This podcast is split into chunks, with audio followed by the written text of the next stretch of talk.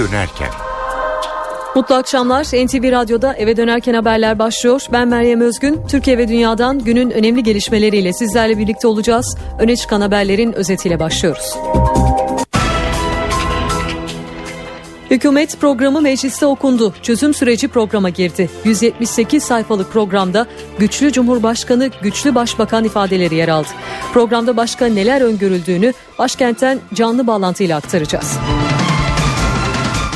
Emniyetteki paralel yapı iddiaları ile ilgili bu sabah yeni bir operasyon düzenlendi. 16 ilde 33 kişi için gözaltı kararı çıkarıldı.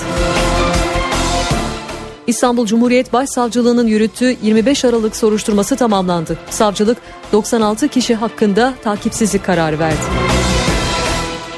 Yeni adli yıl bugün açıldı. Cumhurbaşkanı Tayyip Erdoğan ve hükümet üyelerinin katılmadığı açılış törenine Yargıtay Başkanı Ali Alkan'ın mesajları damga vurdu. Neler söylediğine az sonra bakacağız. Milli Eğitim Bakanlığı özel okullar için dağıtılacak teşviği almaya hak kazanan öğrencileri açıkladı. Sonuçlara bakanlığın internet sitesinden ulaşılabiliyor. Günün gündeminden satır başlarını aktardık. Şimdi ayrıntılar.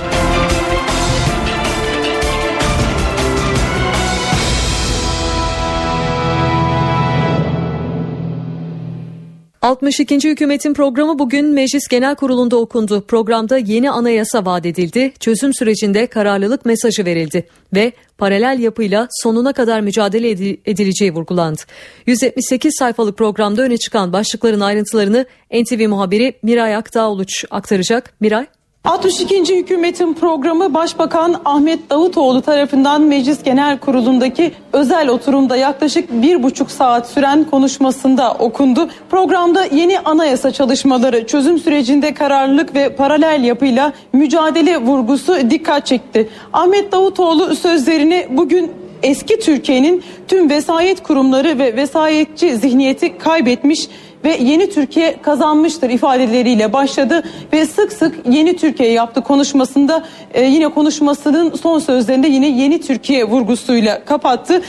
Başbakan Davutoğlu yeni anayasa çalışmalarıyla ilgili olarak mevcut anayasa için vesayetçi yapıların millet iradesini denetim altında tuttuğu ve toplum mühendisliğine dayanan bir anayasa olduğunu ifade etti.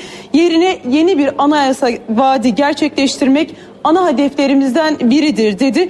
Çözüm sürecinde kararlı olacaklarını belirten Ahmet Davutoğlu bunu ifade ederken de kardeşlik projesine dört elle sarılmaya devam edeceğiz dedi. Çerçeve yasa ile çözüm sürecini daha güçlü sürdürmeye, toplumun herkesinin sahip çıkması için çalışmaya devam edeceğiz ifadelerini kullandı. Ve paralel yapı iddialarıyla mücadele Ahmet Davutoğlu bununla ilgili olarak da sert ifadeleri vardı. Hükümet 61. hükümet yeni vesayetçilerin saldırılarına maruz kaldı dedi. Yargı ve siyasetin bu yeni vesayetin karşısında yine hükümeti bulmaya 62. hükümeti bulmaya devam edeceğini söyledi uluslararası bağlantıları olduğunu ifade etti. Paralel yapı iddialarıyla ilgili olarak ve hükümeti dizayn etmeye çalıştılar dedi. Bu yeni yapıyla hesaplaşmayı sürdüreceğiz. Bu yapıya karşı hukuk içinde en etkin tavrı alacağız dedi. Ahmet Davutoğlu paralel yapı ile ilgili paralel yapı iddiaları ile ilgili yaptığı hükümet programı ile ilgili yaptığı konuşmasında YÖK reformu ile ilgili taslak bir metin hazırlandığını duyurdu Ahmet Davutoğlu. Ekonomi hedeflerine ilişkin de bilgi verdi. Önümüzdeki dönemde sürdürülebilir ve istikrarlı büyümenin süreceğini ifade etti. Cari açığı kontrol altında tutmaya çalışacaklarını söyledi ve 2023'te dünyanın ilk 10 ekonomisi içerisine Türkiye'yi de sokmayı hedeflediklerini ifade etti Ahmet Davutoğlu. Ve bunun yanı sıra Ahmet Davutoğlu'nun konuşmasında yerel yönetimlerle ilgili olarak da dikkat çeken bir ifade vardı merkezi yönetim tarafından yürütülmesi zorunlu olmayan hizmetler yerel yönetimlere devredilecektir dedi. Başbakan Ahmet Davutoğlu yerel yönetimlerle ilgili dikkat çeken o ifadesinde. Ve hükümet programının öncesinde iki bakan kabineye katılan iki bakanın da yemin törenleri vardı. Böylece İçişleri Bakanı Efkan Ala ikinci kez Meclis Genel Kurulu'nda yemin etmiş oldu. Başbakan Yardımcısı Numan Kurtulmuş'un yemini sırasında ise Cumhuriyet Halk Partisi'nin pankartlı protestosu oldu. CHP milletvekili Musa Çam yemin ederken Numan Kurtulmuş'un yemini devam ederken AK Parti'ye katılmadan önce yaptığı bir dövizi kaldırarak kurtulmuşu protesto etti. Bunun üzerine AK Partili milletvekilleri Musa Çam'ın elinden o dövizi almaya çalışınca bir tartışma çıktı. O tartışma sırasında Numan Kurtulmuş kısa bir ara verdi aslında yeminini. Bir ara kafasını kaldırdı sonrasında yeminine devam etti ama tartışma daha sonrasında Cumhuriyet Halk Partili milletvekilinin dövizi indirmesiyle son bulmuş oldu. Ve e, Kurtulmuş'un yemin törenini ailesi de izledi. Bu notu da aktarmakta fayda var. Böylece bugün özel oturum tamamlanmış oldu ama iki gün içerisinde yani 4 Eylül günü hükümet programı üzerindeki görüşmeler, görüşmeler için Meclis Genel Kurulu bir kez daha toplanacak ve hükümet programı üzerindeki güven oylaması ise bu cumartesi günü yani 6 Eylül tarihinde yapılacak. Aynı gün Cumhuriyet Halk Partisi'nin kurultayı olduğunu da söylemekte fayda var. Yeni hükümetle birlikte çözüm sürecinde yeni bir dönem başlıyor. Süreç doğrudan Başbakan Ahmet Davutoğlu'na bağlı olacak.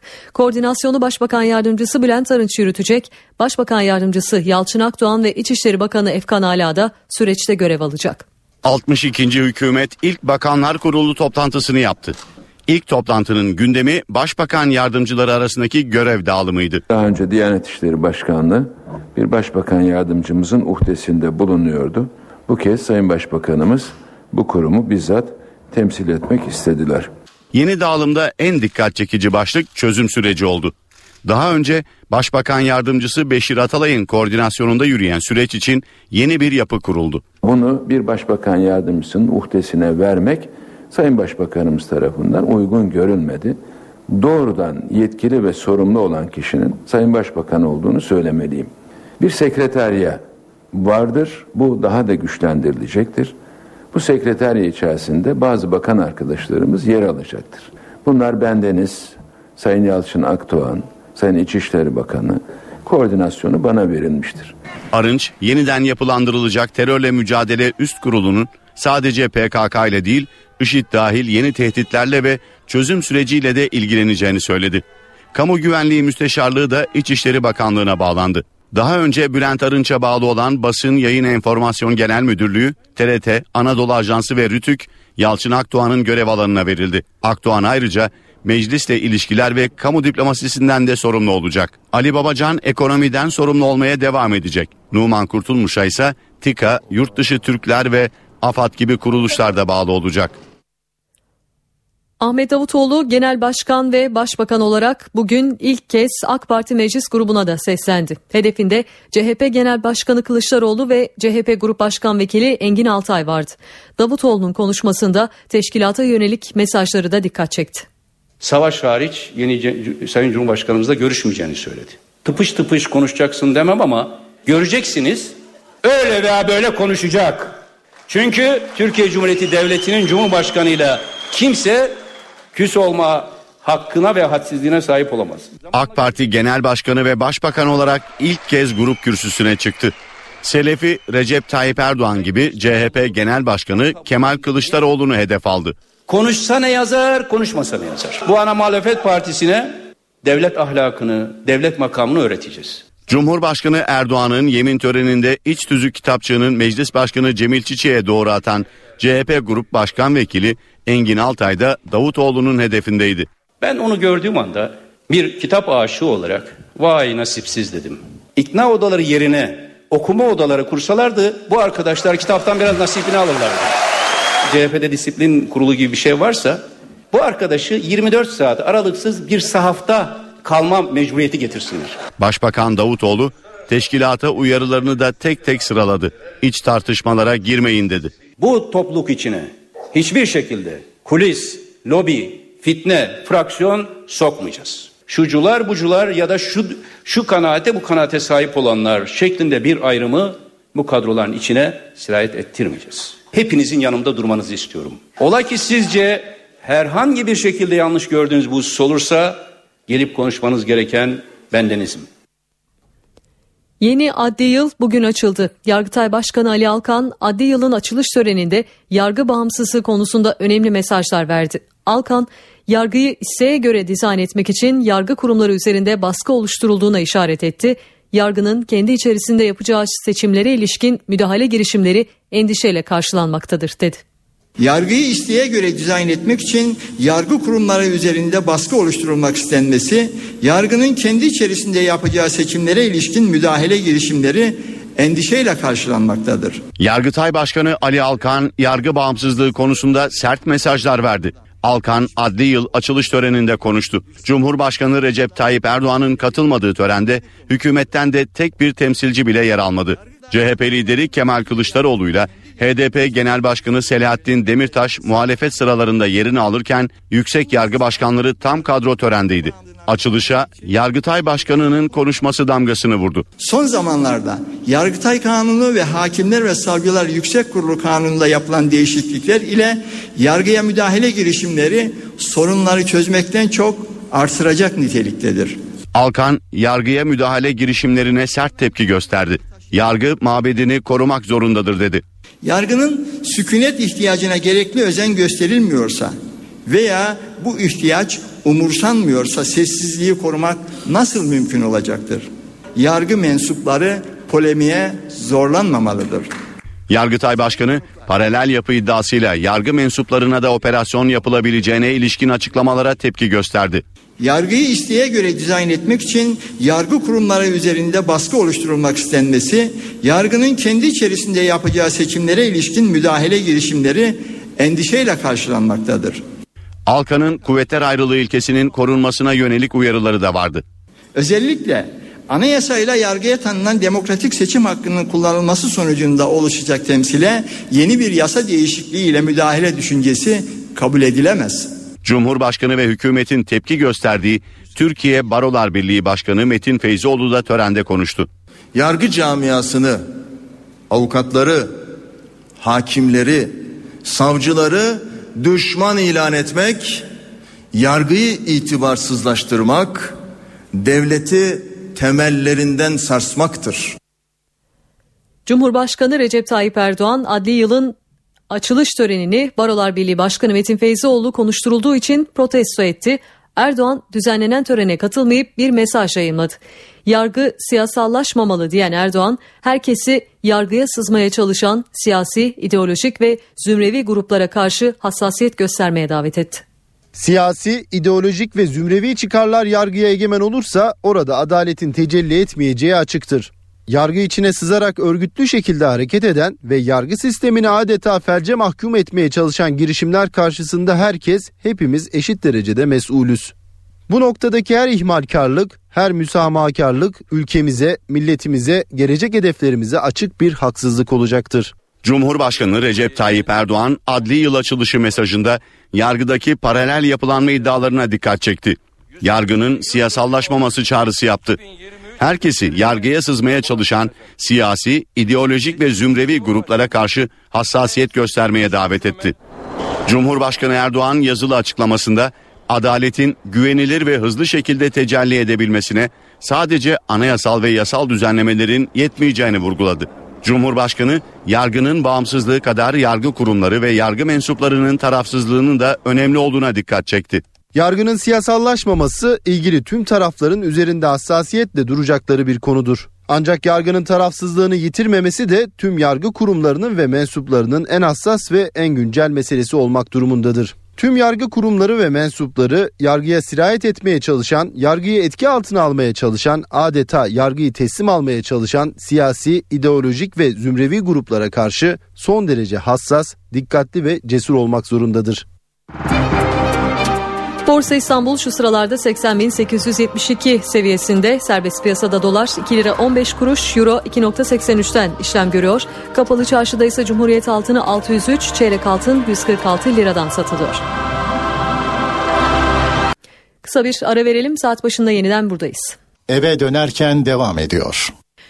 Yeniden merhaba. Saat 18 NTV Radyo'da eve dönerken haberler devam ediyor. Ben Meryem Özgün. Günün öne çıkan haberlerinden satır başlarını hatırlatalım.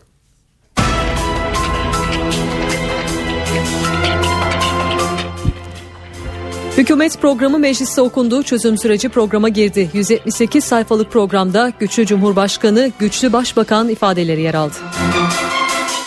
Emniyetteki paralel yapı iddiaları ile ilgili bu sabah yeni bir operasyon düzenlendi. 16 ilde 33 kişi için gözaltı kararı çıkarıldı. İstanbul Cumhuriyet Başsavcılığı'nın yürüttüğü 25 Aralık soruşturması tamamlandı. Savcılık 96 kişi hakkında takipsizlik kararı verdi. Yeni adli yıl bugün açıldı. Cumhurbaşkanı Tayyip Erdoğan ve hükümet üyelerinin katılmadığı açılış törenine Yargıtay Başkanı Ali Alkan'ın mesajları damga vurdu.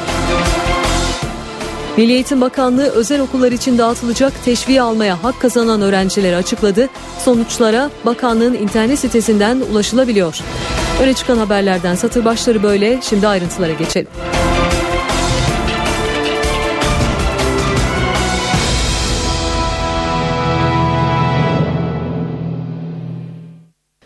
Cumhurbaşkanı Recep Tayyip Erdoğan ilk yurt dışı gezisini Kuzey Kıbrıs Türk Cumhuriyeti'ne yapıyor. Erdoğan Lefkoşa'da gün boyu temaslarda bulundu. Mevkidaşı Derviş Eroğlu ile görüştü.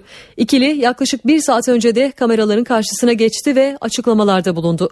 Cumhurbaşkanı Erdoğan hedefimiz Kıbrıs sorununun kapsamlı ve adil bir şekilde çözülmesi dedi. Cumhurbaşkanı Ruhban Okulu ile ilgili de açıklama yaptı.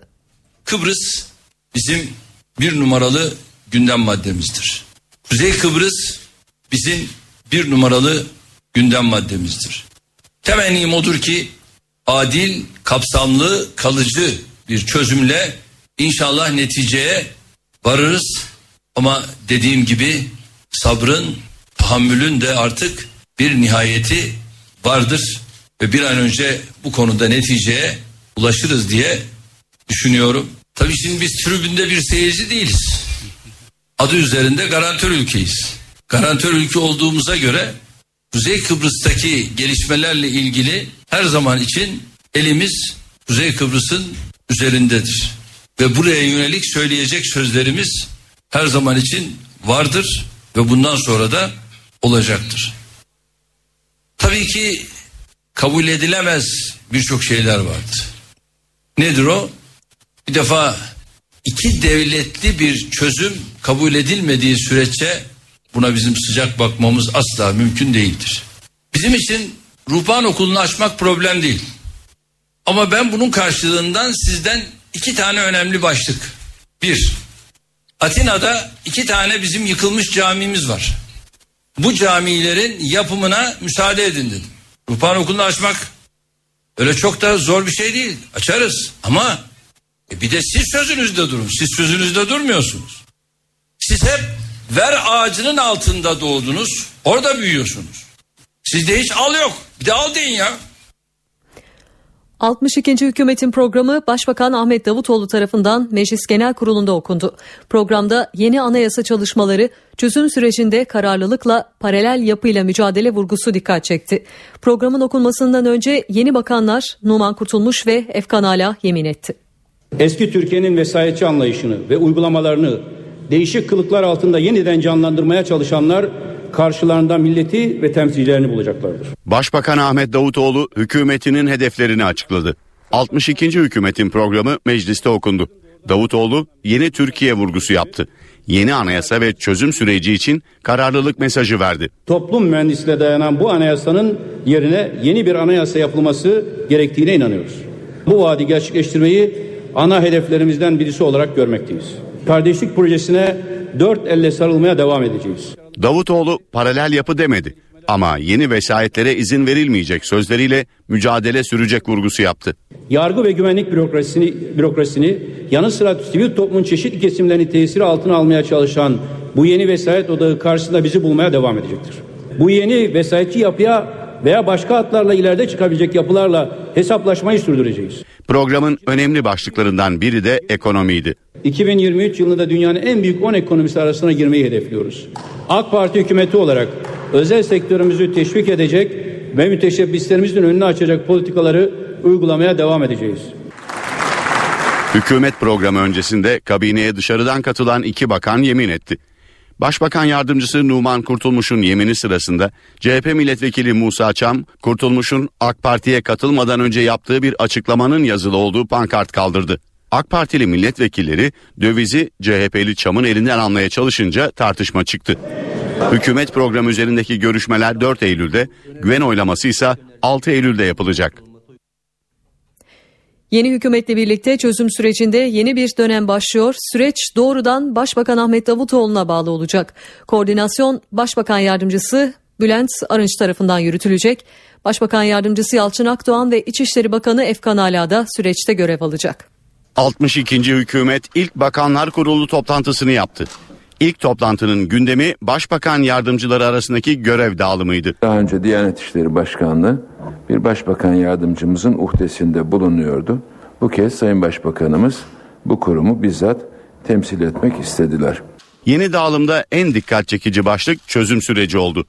Daha önce Başbakan Yardımcısı Beşir Atalay'ın koordinasyonunda yürüyen süreç için yeni bir yapı kuruldu. Bunu bir başbakan yardımcısının uhdesine vermek Sayın Başbakanımız tarafından uygun görülmedi.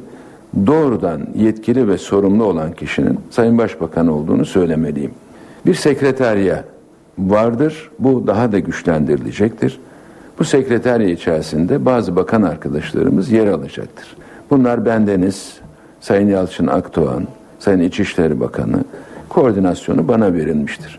Arınç yeniden yapılandırılacak terörle mücadele üst kurulunun sadece PKK ile değil IŞİD dahil yeni tehditlerle ve çözüm süreciyle de ilgileneceğini söyledi. Kamu Güvenliği Müsteşarlığı da İçişleri Bakanlığı'na bağlandı. Daha önce Bülent Arınç'a bağlı olan Basın Yayın Enformasyon Genel Müdürlüğü, TRT, Anadolu Ajansı ve Rütük, Yalçın Akdoğan'ın görev alanına verildi. Akdoğan ayrıca meclisle ilişkiler ve kamu diplomasisinden de sorumlu olacak. Ali Babacan ekonomiden sorumlu olmaya devam edecek. Numan Kurtulmuş'a ise TİKA, yurt dışı Türkler ve AFAD gibi kuruluşlarda bağlı olacak. Yeni adli yıl bugün açıldı. Yargıtay Başkanı Ali Alkan, adli yılın açılış töreninde yargı bağımsızlığı konusunda önemli mesajlar verdi. Alkan, yargıyı isteğe göre dizayn etmek için yargı kurumları üzerinde baskı oluşturulduğuna işaret etti. Yargının kendi içinde yapacağı seçimlere ilişkin müdahale girişimleri endişeyle karşılanmaktadır dedi. Yargıyı isteğe göre dizayn etmek için yargı kurumları üzerinde baskı oluşturulmak istenmesi, yargının kendi içerisinde yapacağı seçimlere ilişkin müdahale girişimleri endişeyle karşılanmaktadır. Yargıtay Başkanı Ali Alkan yargı bağımsızlığı konusunda sert mesajlar verdi. Alkan adli yıl açılış töreninde konuştu. Cumhurbaşkanı Recep Tayyip Erdoğan'ın katılmadığı törende hükümetten de tek bir temsilci bile yer almadı. CHP lideri Kemal Kılıçdaroğlu ile HDP Genel Başkanı Selahattin Demirtaş muhalefet sıralarında yerini alırken yüksek yargı başkanları tam kadro törendeydi.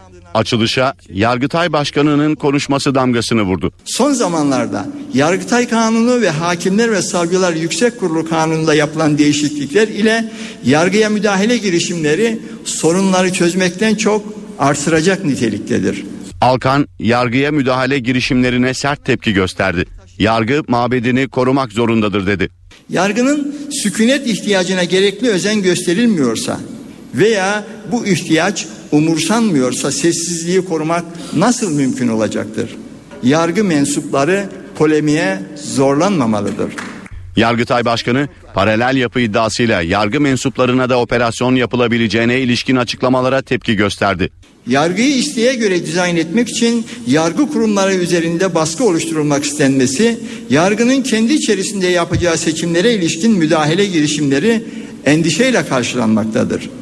Alkan'ın kuvvetler ayrılığı ilkesinin korunmasına yönelik uyarıları da vardı. Özellikle anayasayla yargıya tanınan demokratik seçim hakkının kullanılması sonucunda oluşacak temsile yeni bir yasa değişikliği ile müdahale düşüncesi kabul edilemez. Cumhurbaşkanı ve hükümetin tepki gösterdiği Türkiye Barolar Birliği Başkanı Metin Feyzoğlu da törende konuştu.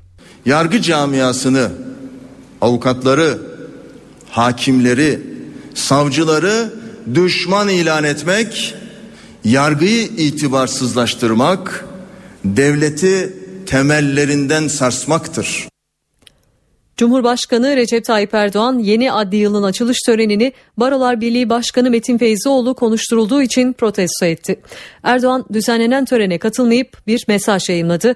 Yargı siyasallaşmamalı diyen Erdoğan, herkesi yargıya sızmaya çalışan siyasi, ideolojik ve zümrevi gruplara karşı hassasiyet göstermeye davet etti. Emniyette paralel yapı iddiasına dayanan soruşturma kapsamında bu sabah merkezi İstanbul olan 16 ili kapsayan bir operasyon düzenlendi. 33 kişi hakkında gözaltı kararı var. Ayrıntıları Vatan Caddesi'ndeki Emniyet Müdürlüğü önünden NTV muhabiri Göktan Bedük bildiriyor. Göktan. Üçüncü dalga operasyonu kapsamında gözaltına alınan polislerin ifade alma işlemi başladı. Öncelikle bunu söyleyelim son gelişme bu. Mahir Çakallı eski İstanbul İl Emniyet Müdür Yardımcılarından Mahir Çakallı'nın ifadesi avukatının söylediklerine göre şu anda devam ediyor. Ama öncelikle şunu da belirtmek gerekiyor. İstanbul Cumhuriyet Başsavcılığı'nın operasyonla ilgili bir açıklaması vardı. Açıklama Başsavcı Hadi Salihoğlu'nun imzasını taşıyordu ve Baş, Başsavcılığın açıklamasında Önemli iddialar var bu 33 polis hakkında. Şöyle söyleniyor. Mali Şube'nin bilgisayarlarında yapılan teknik incelemede Türkiye Cumhuriyeti Başbakanı ve birçok bakanı dolaylı şekilde dinlemek suretiyle Başbakan hakkında suç örgütü lideri olduğu yönünde soruşturma evrakı hazırladıkları, bilgisayarda muhafaza ettikleri belirtiliyor. Başbakanın Haliç Kongre Merkezi'nde MİT müsteşarıyla yaptığı görüşmenin görüntülerini de usulsüz bir şekilde temin ettikleri ifade ediliyor.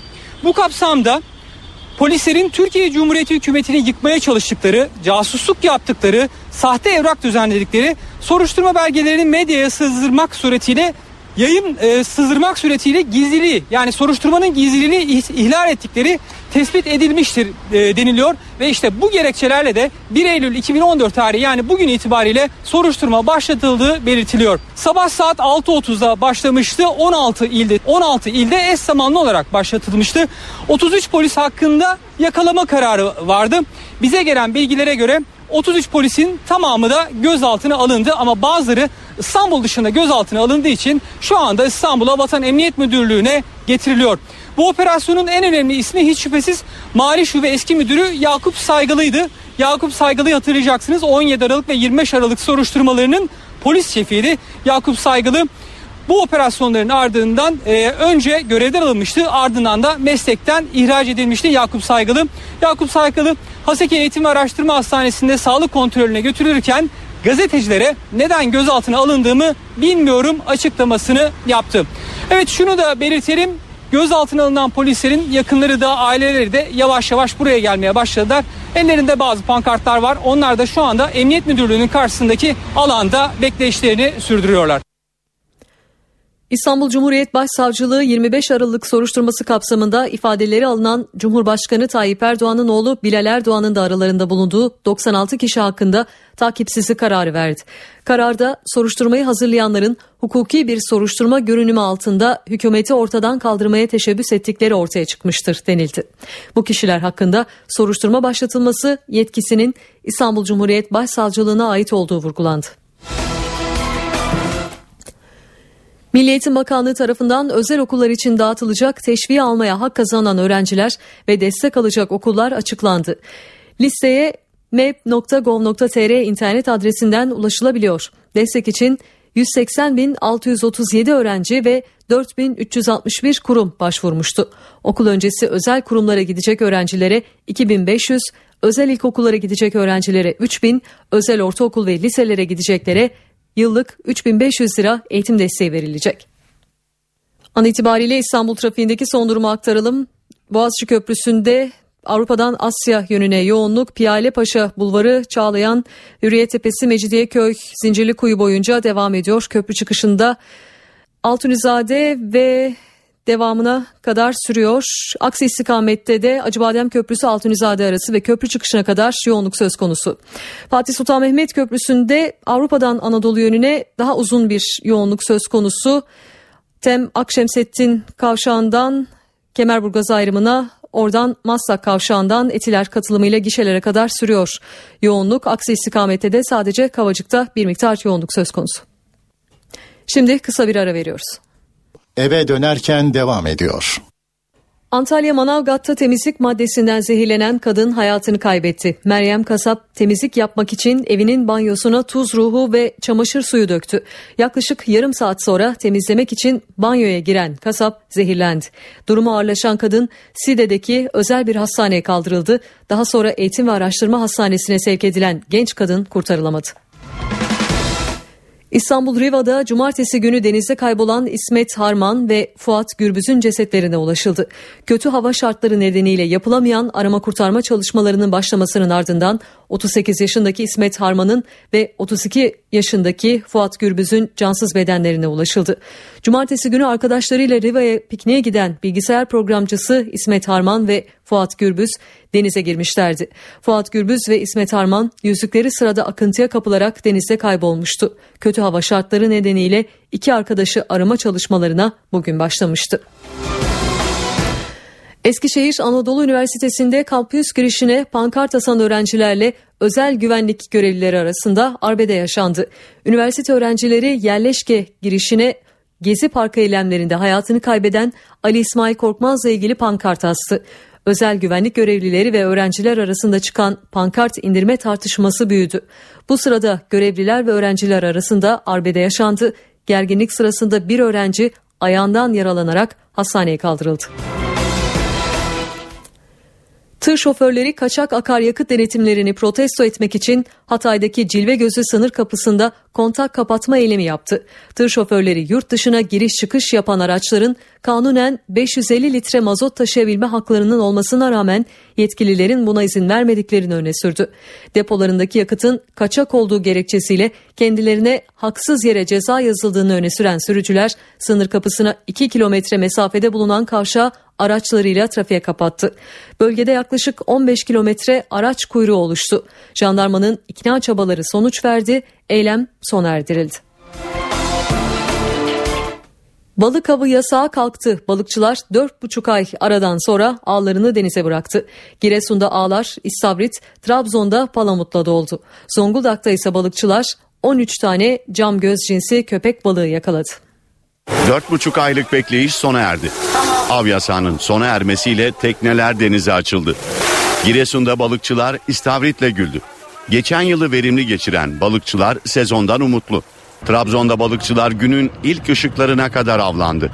İlk avda tekneler kıyıya kasalar dolusu palamutla döndü. 500, 5600, 5600, 5500. Ordu ve Zonguldak'ta ise balıkçılar hava koşulları yüzünden denize açılamadı. Ancak yeni sezondan beklenti büyük. Burada kısmet şey yok yani. Ee, iyi de olur kötü de olur. Her şeyi bekleyeceksin. Yine boş değiliz yani. Palamut'ta bir umudumuz var. Zonguldak'ta ise balıkçıların oltalarına köpek balıkları takıldı. 3 amatör balıkçı uzun kum mevkiinde 13 cam göz cinsi köpek balığı yakaladı. Antalya'da Büyükşehir Belediyesi 200 milyon liralık raylı sistem yatırımını halka sordu. 20 mahallede gerçekleşen referandumda sandıktan evet oyu çıktı. Belediye Başkanı Menderes Sürel, kent meydanından havalimanına uzanacak projenin en kısa sürede tamamlanacağını söyledi. 20 mahallenin sakinleri sandık başına gitti. Antalya'da raylı sistem projesiyle ilgili karar referandumla verildi.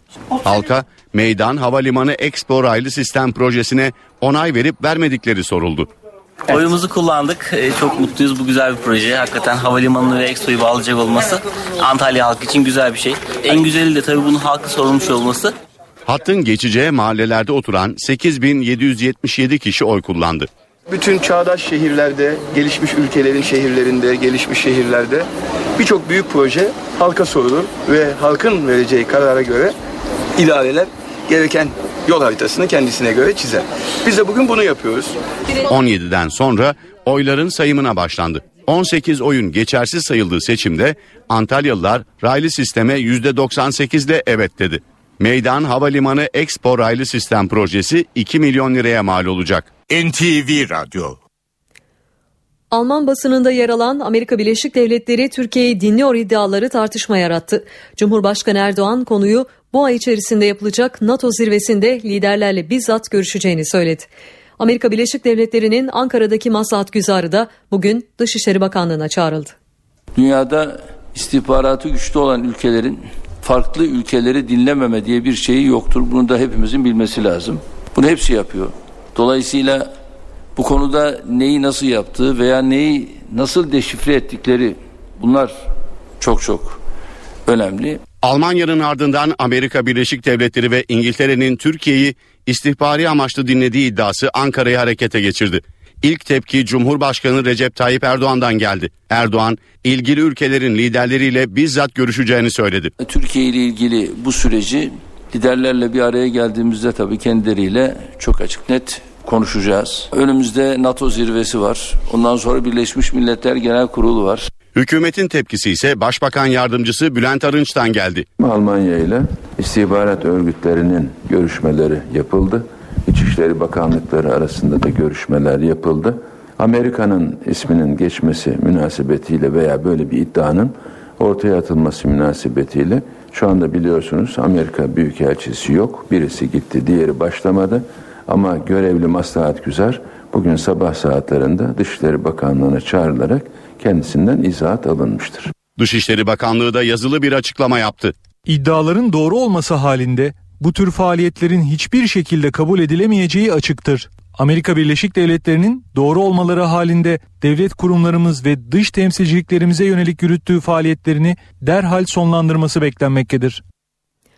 NATO'ya üye ülkelerin liderleri bu hafta Galler'de buluşacak. Zirvenin en önemli gündem maddelerinden biri üye ülkelerin savunma harcamaları olacak. Amerika Birleşik Devletleri Başkanı Barack Obama ve İngiltere Başbakanı David Cameron'ın üyelerden savunma bütçelerini artırmalarını istemesi bekleniyor. NATO üyesi ülkeler 4-5 Eylül tarihlerinde Galler'deki zirvede bir araya geliyor. Ukrayna'daki kriz ve Irak zirvenin en önemli gündem maddelerinden. Türkiye'yi Cumhurbaşkanı Recep Tayyip Erdoğan'ın temsil edeceği toplantıların bir başka önemli gündemi de üye ülkelerin savunma bütçe harcamaları. Hatta Beyaz Saray'a göre en önemlisi. Medyaya yansıyan haberlere göre Amerika Birleşik Devletleri Başkanı Barack Obama ve İngiltere Başbakanı David Cameron üye ülkelerden savunma bütçelerini artırmalarını isteyecek. Savunma konusunda bazı ülkelere ağırlığın verilmesinden şikayetçi olan Washington ve Londra'nın talebi ülkelerin bütçelerinden en az yüzde ikisini savunmaya ayırmaları. Ancak bu konuda zirvede ortak bir karara varılması zor görünüyor.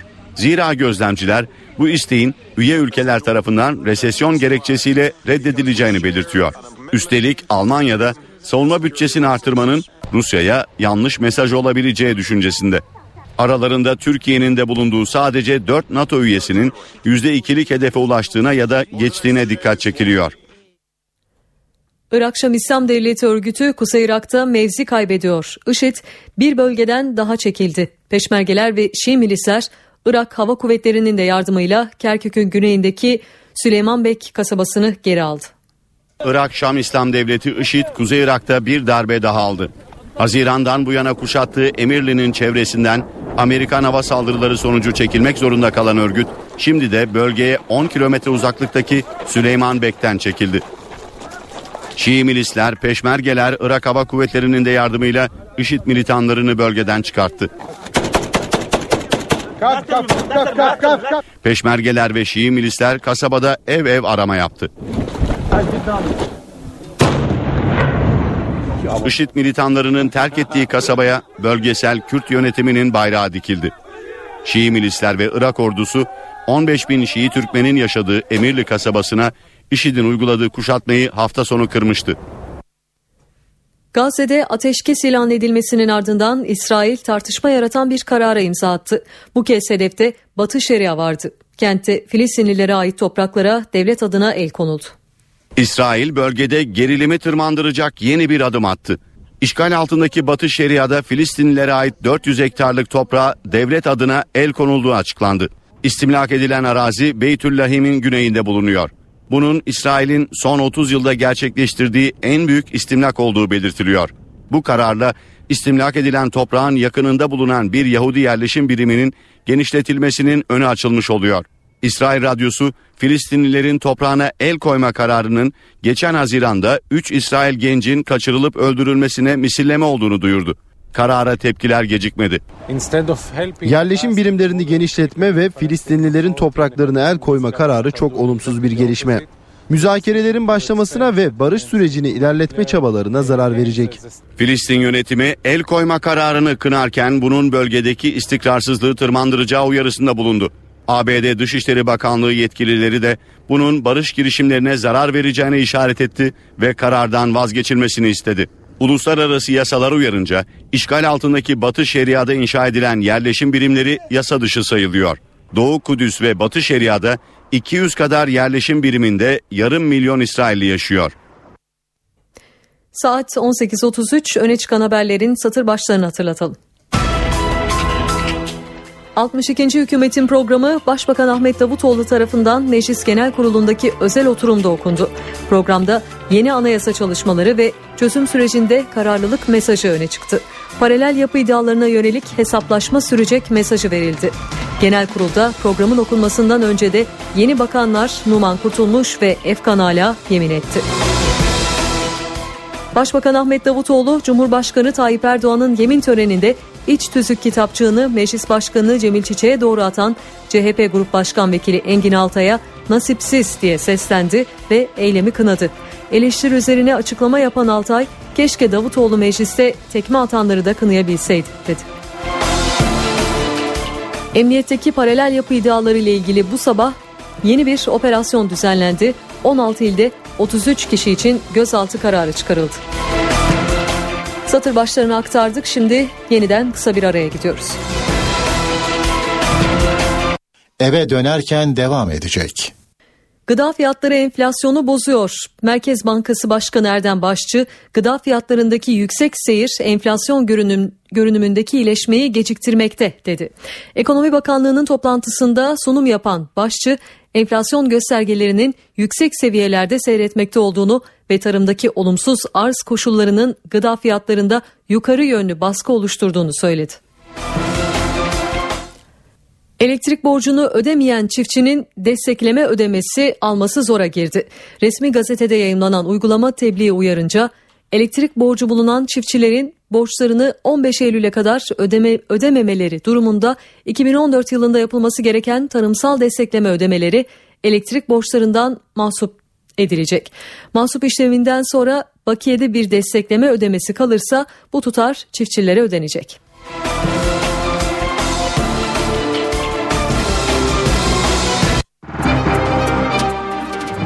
Şimdi yeniden para ve sermaye piyasalarındaki işlemlere bakalım. Borsa İstanbul günü 80.825 puandan tamamladı. Serbest piyasada dolar 2 lira 16 kuruş, euro 2.83'ten işlem gördü. Kapalı çarşıda ise Cumhuriyet altını 603, çeyrek altın 146 liradan satıldı. Şimdi yurt geneli için yarınki hava tahminlerini alacağız. NTV Meteoroloji Editörü Gökhan Abur'u dinliyoruz. İyi akşamlar. Sert esen Poyraz'ın giderek zayıflamasıyla Marmara'da sıcaklık birkaç derece yükseldi ama yarın yağışla birlikte Trakya'dan başlayarak yeniden 2-3 derece azalacak. Hafta boyu sıcaklıklarda önemli bir değişiklik görülmeyecek. Yarın alçak basınç etkisine girecek Ege'de artan bulutlanma, kıyı Ege'de yağışı başlatacak yağışlar akşama doğru Trakya, Marmara'nın güneyi ve İç Anadolu'nun batısını da etkisi altına alacak. Çarşamba günü kıyı Ege'de yağış devam ederken Trakya'da sağanaklar giderek kuvvetlenecek ve yağışlar Marmara'nın tamamını etkisi altına alarak Batı Karadeniz'e doğru ilerleyecek. Kuzey Ege, Marmara ve Batı Karadeniz'deki yağışların Perşembe günü de aralıklarla devam etmesini bekliyoruz. İstanbul'da yarın ama parçalı bulut sıcaklık ise 29 derece olacak. Çarşamba perşembe günü yağmur görülebilir. Ankara'da hava az bulutlu sıcaklık ise gündüz 33, gece ise 19 derece olacak. İzmir'de yarın sıcaklık 30 derece. Öğleden sonra hava bulutlanacak. Yarın gece yağmur bekliyoruz. Hepinize iyi akşamlar diliyorum. Hoşçakalın. Türk asıllı Alman yönetmen Fatih Akın'ın Venedik Film Festivali'nde Altın Aslan için yarışan filmi The Cut'ın galası yapıldı.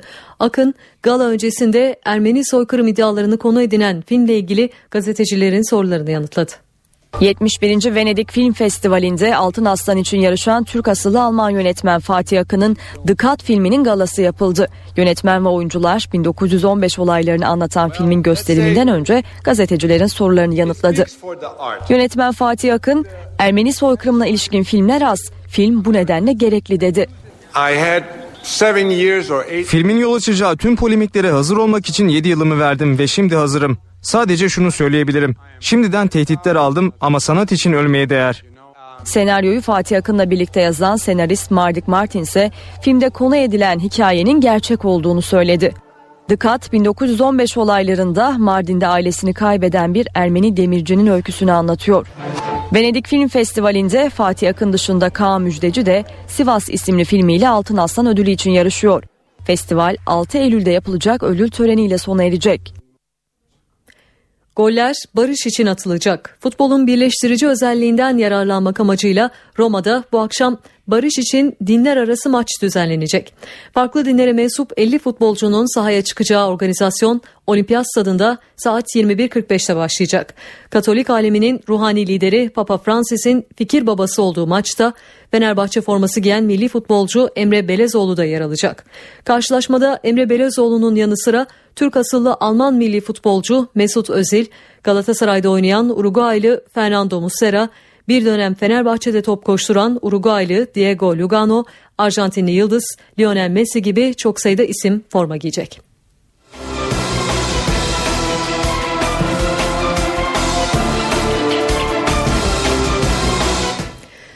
Japonya'da hükümet ilginç bir talepte bulundu. Sanayi Bakanlığı halktan tuvalet kağıdı stoku yapmasını istedi.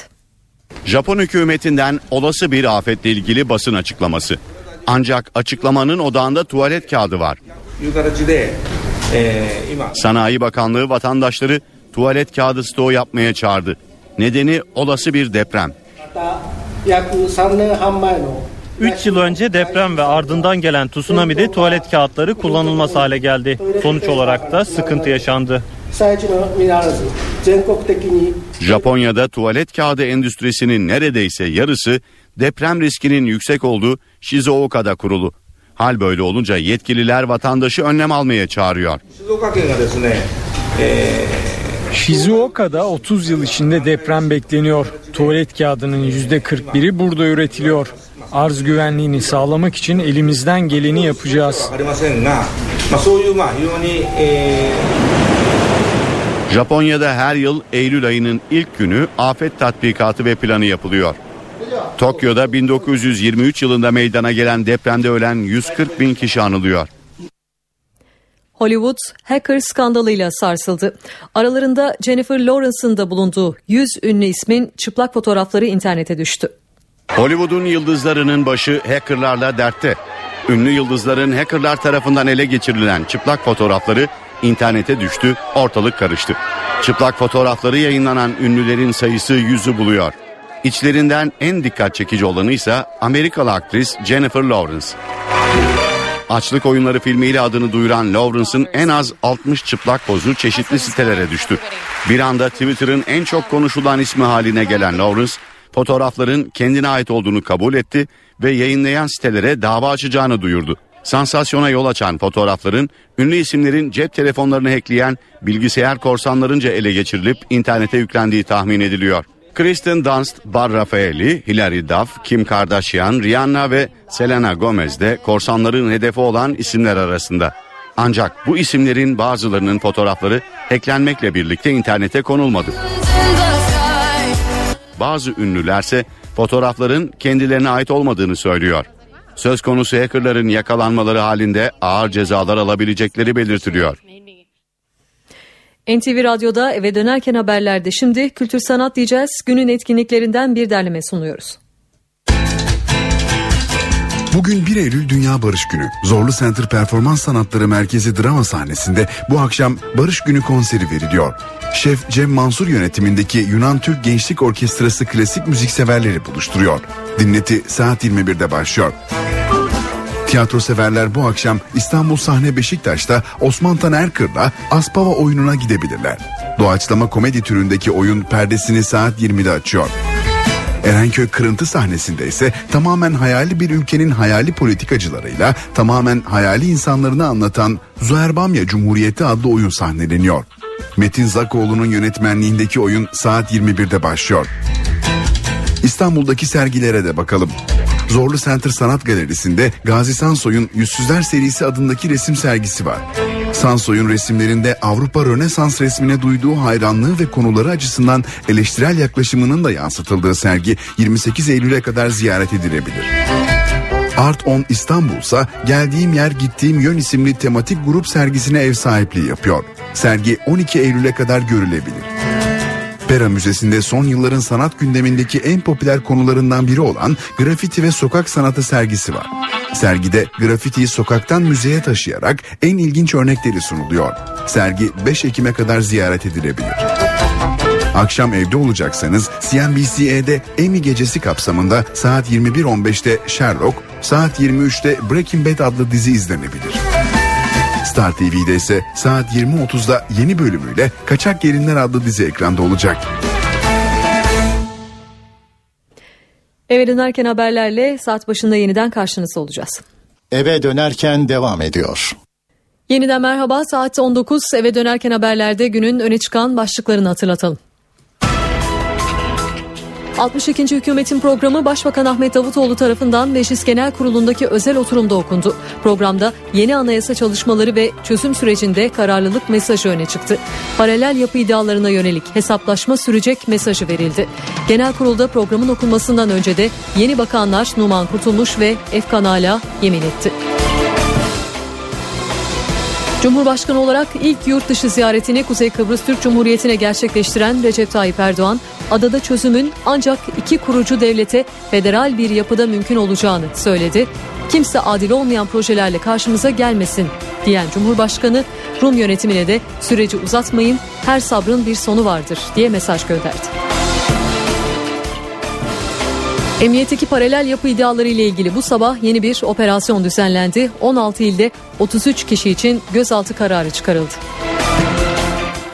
İstanbul Cumhuriyet Başsavcılığı'nın yürüttüğü 25 Aralık soruşturması tamamlandı. Savcılık 96 kişi hakkında takipsizlik kararı verdi. Yeni adli yıl bugün açıldı. Cumhurbaşkanı Tayyip Erdoğan ve hükümet üyelerinin katılmadığı açılış törenine Yargıtay Başkanı Ali Alkan'ın mesajları damga vurdu. Alkan, yargı seçimlerine müdahale girişimi endişeyle izleniyor. Bu girişim sorunları çözmez, artırır dedi. Milli Eğitim Bakanlığı özel okullar için dağıtılacak teşviği almaya hak kazanan öğrencileri açıkladı. Sonuçlara bakanlığın internet sitesinden ulaşılabiliyor. An itibariyle İstanbul trafiğindeki son durumu aktaralım. Boğaziçi Köprüsü Avrupa Anadolu istikametine yoğunluk Piyale Paşa Bulvarı'ndan başlıyor. Hürriyet Tepesi, Mecidiyeköy, Çağlayan Zincirli Kuyu ve köprü boyunca devam ediyor. Altunizade'de de karşı istikamette yoğunluk söz konusu. Fatih Sultan Mehmet Köprüsü'nde yoğunluk Akşemsettin Viyadüğü'nden başlıyor. Kemerburgaz ayrımı. Emniyet Mahallesi Maslak Kavşağı Etiler katılımıyla köprü girişi ve sonrasına kadar sürüyor. Aksi istikamette de ciddi bir yoğunluk söz konusu. Öyle ki Çakmak Köprüsü, Ümraniye Kavşağı, Çavuşbaşı, Elmalı, Kavacık ve köprü çıkışına kadar yoğunluk devam etmekte.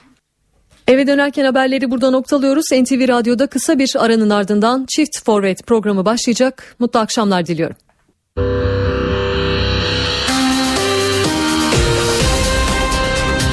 NTV Radyo, Türkiye'nin haber radyosu.